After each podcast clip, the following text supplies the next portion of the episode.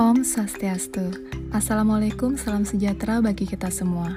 Selamat datang kembali di podcast saya. Saya Komantri Atyani Rahayu, calon aparatur sipil negara Badan Narkotika Nasional tahun 2021. Saya bertugas di BNN Kabupaten Belu. Podcast ini saya buat sebagai tugas latsar agenda 2 dengan fasilitator Ibu Magniar SEMM.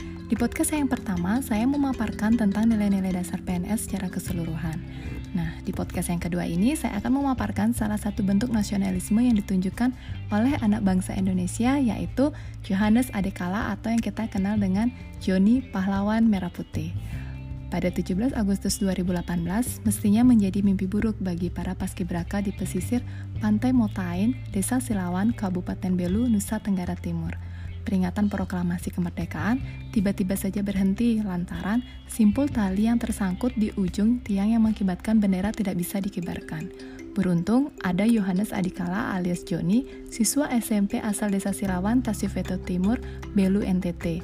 Dari rekaman video yang beredar, Joni nekat memanjat hingga ke ujung tiang tanpa pengaman. Bikin tegang, sudah pasti, apalagi saat Joni tiba-tiba mengambil jeda di pertengahan tiang dan beberapa anggota paskibraka berusaha memegangi tiang yang bergoyang.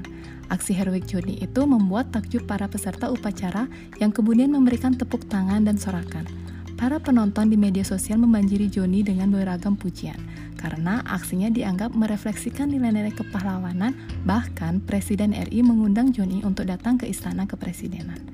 Aksi heroik Joni ini sebagai bentuk refleksi cinta tanah air dan menjunjung tinggi jiwa nasionalisme.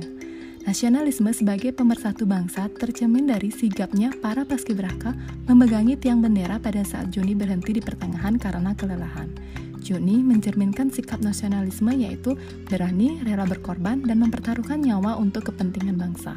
Sebelum saya mengakhiri podcast kedua ini, sedikit yang dapat saya sampaikan bahwa tanah kelahiran Joni yaitu Desa Silawan merupakan proyek Desa Bersinar BNN Kabupaten Belu pada tahun 2020. Sedikit pemaparan dari saya, sampai jumpa di podcast berikutnya. Om Swastiastu, Assalamualaikum, salam sejahtera bagi kita semua.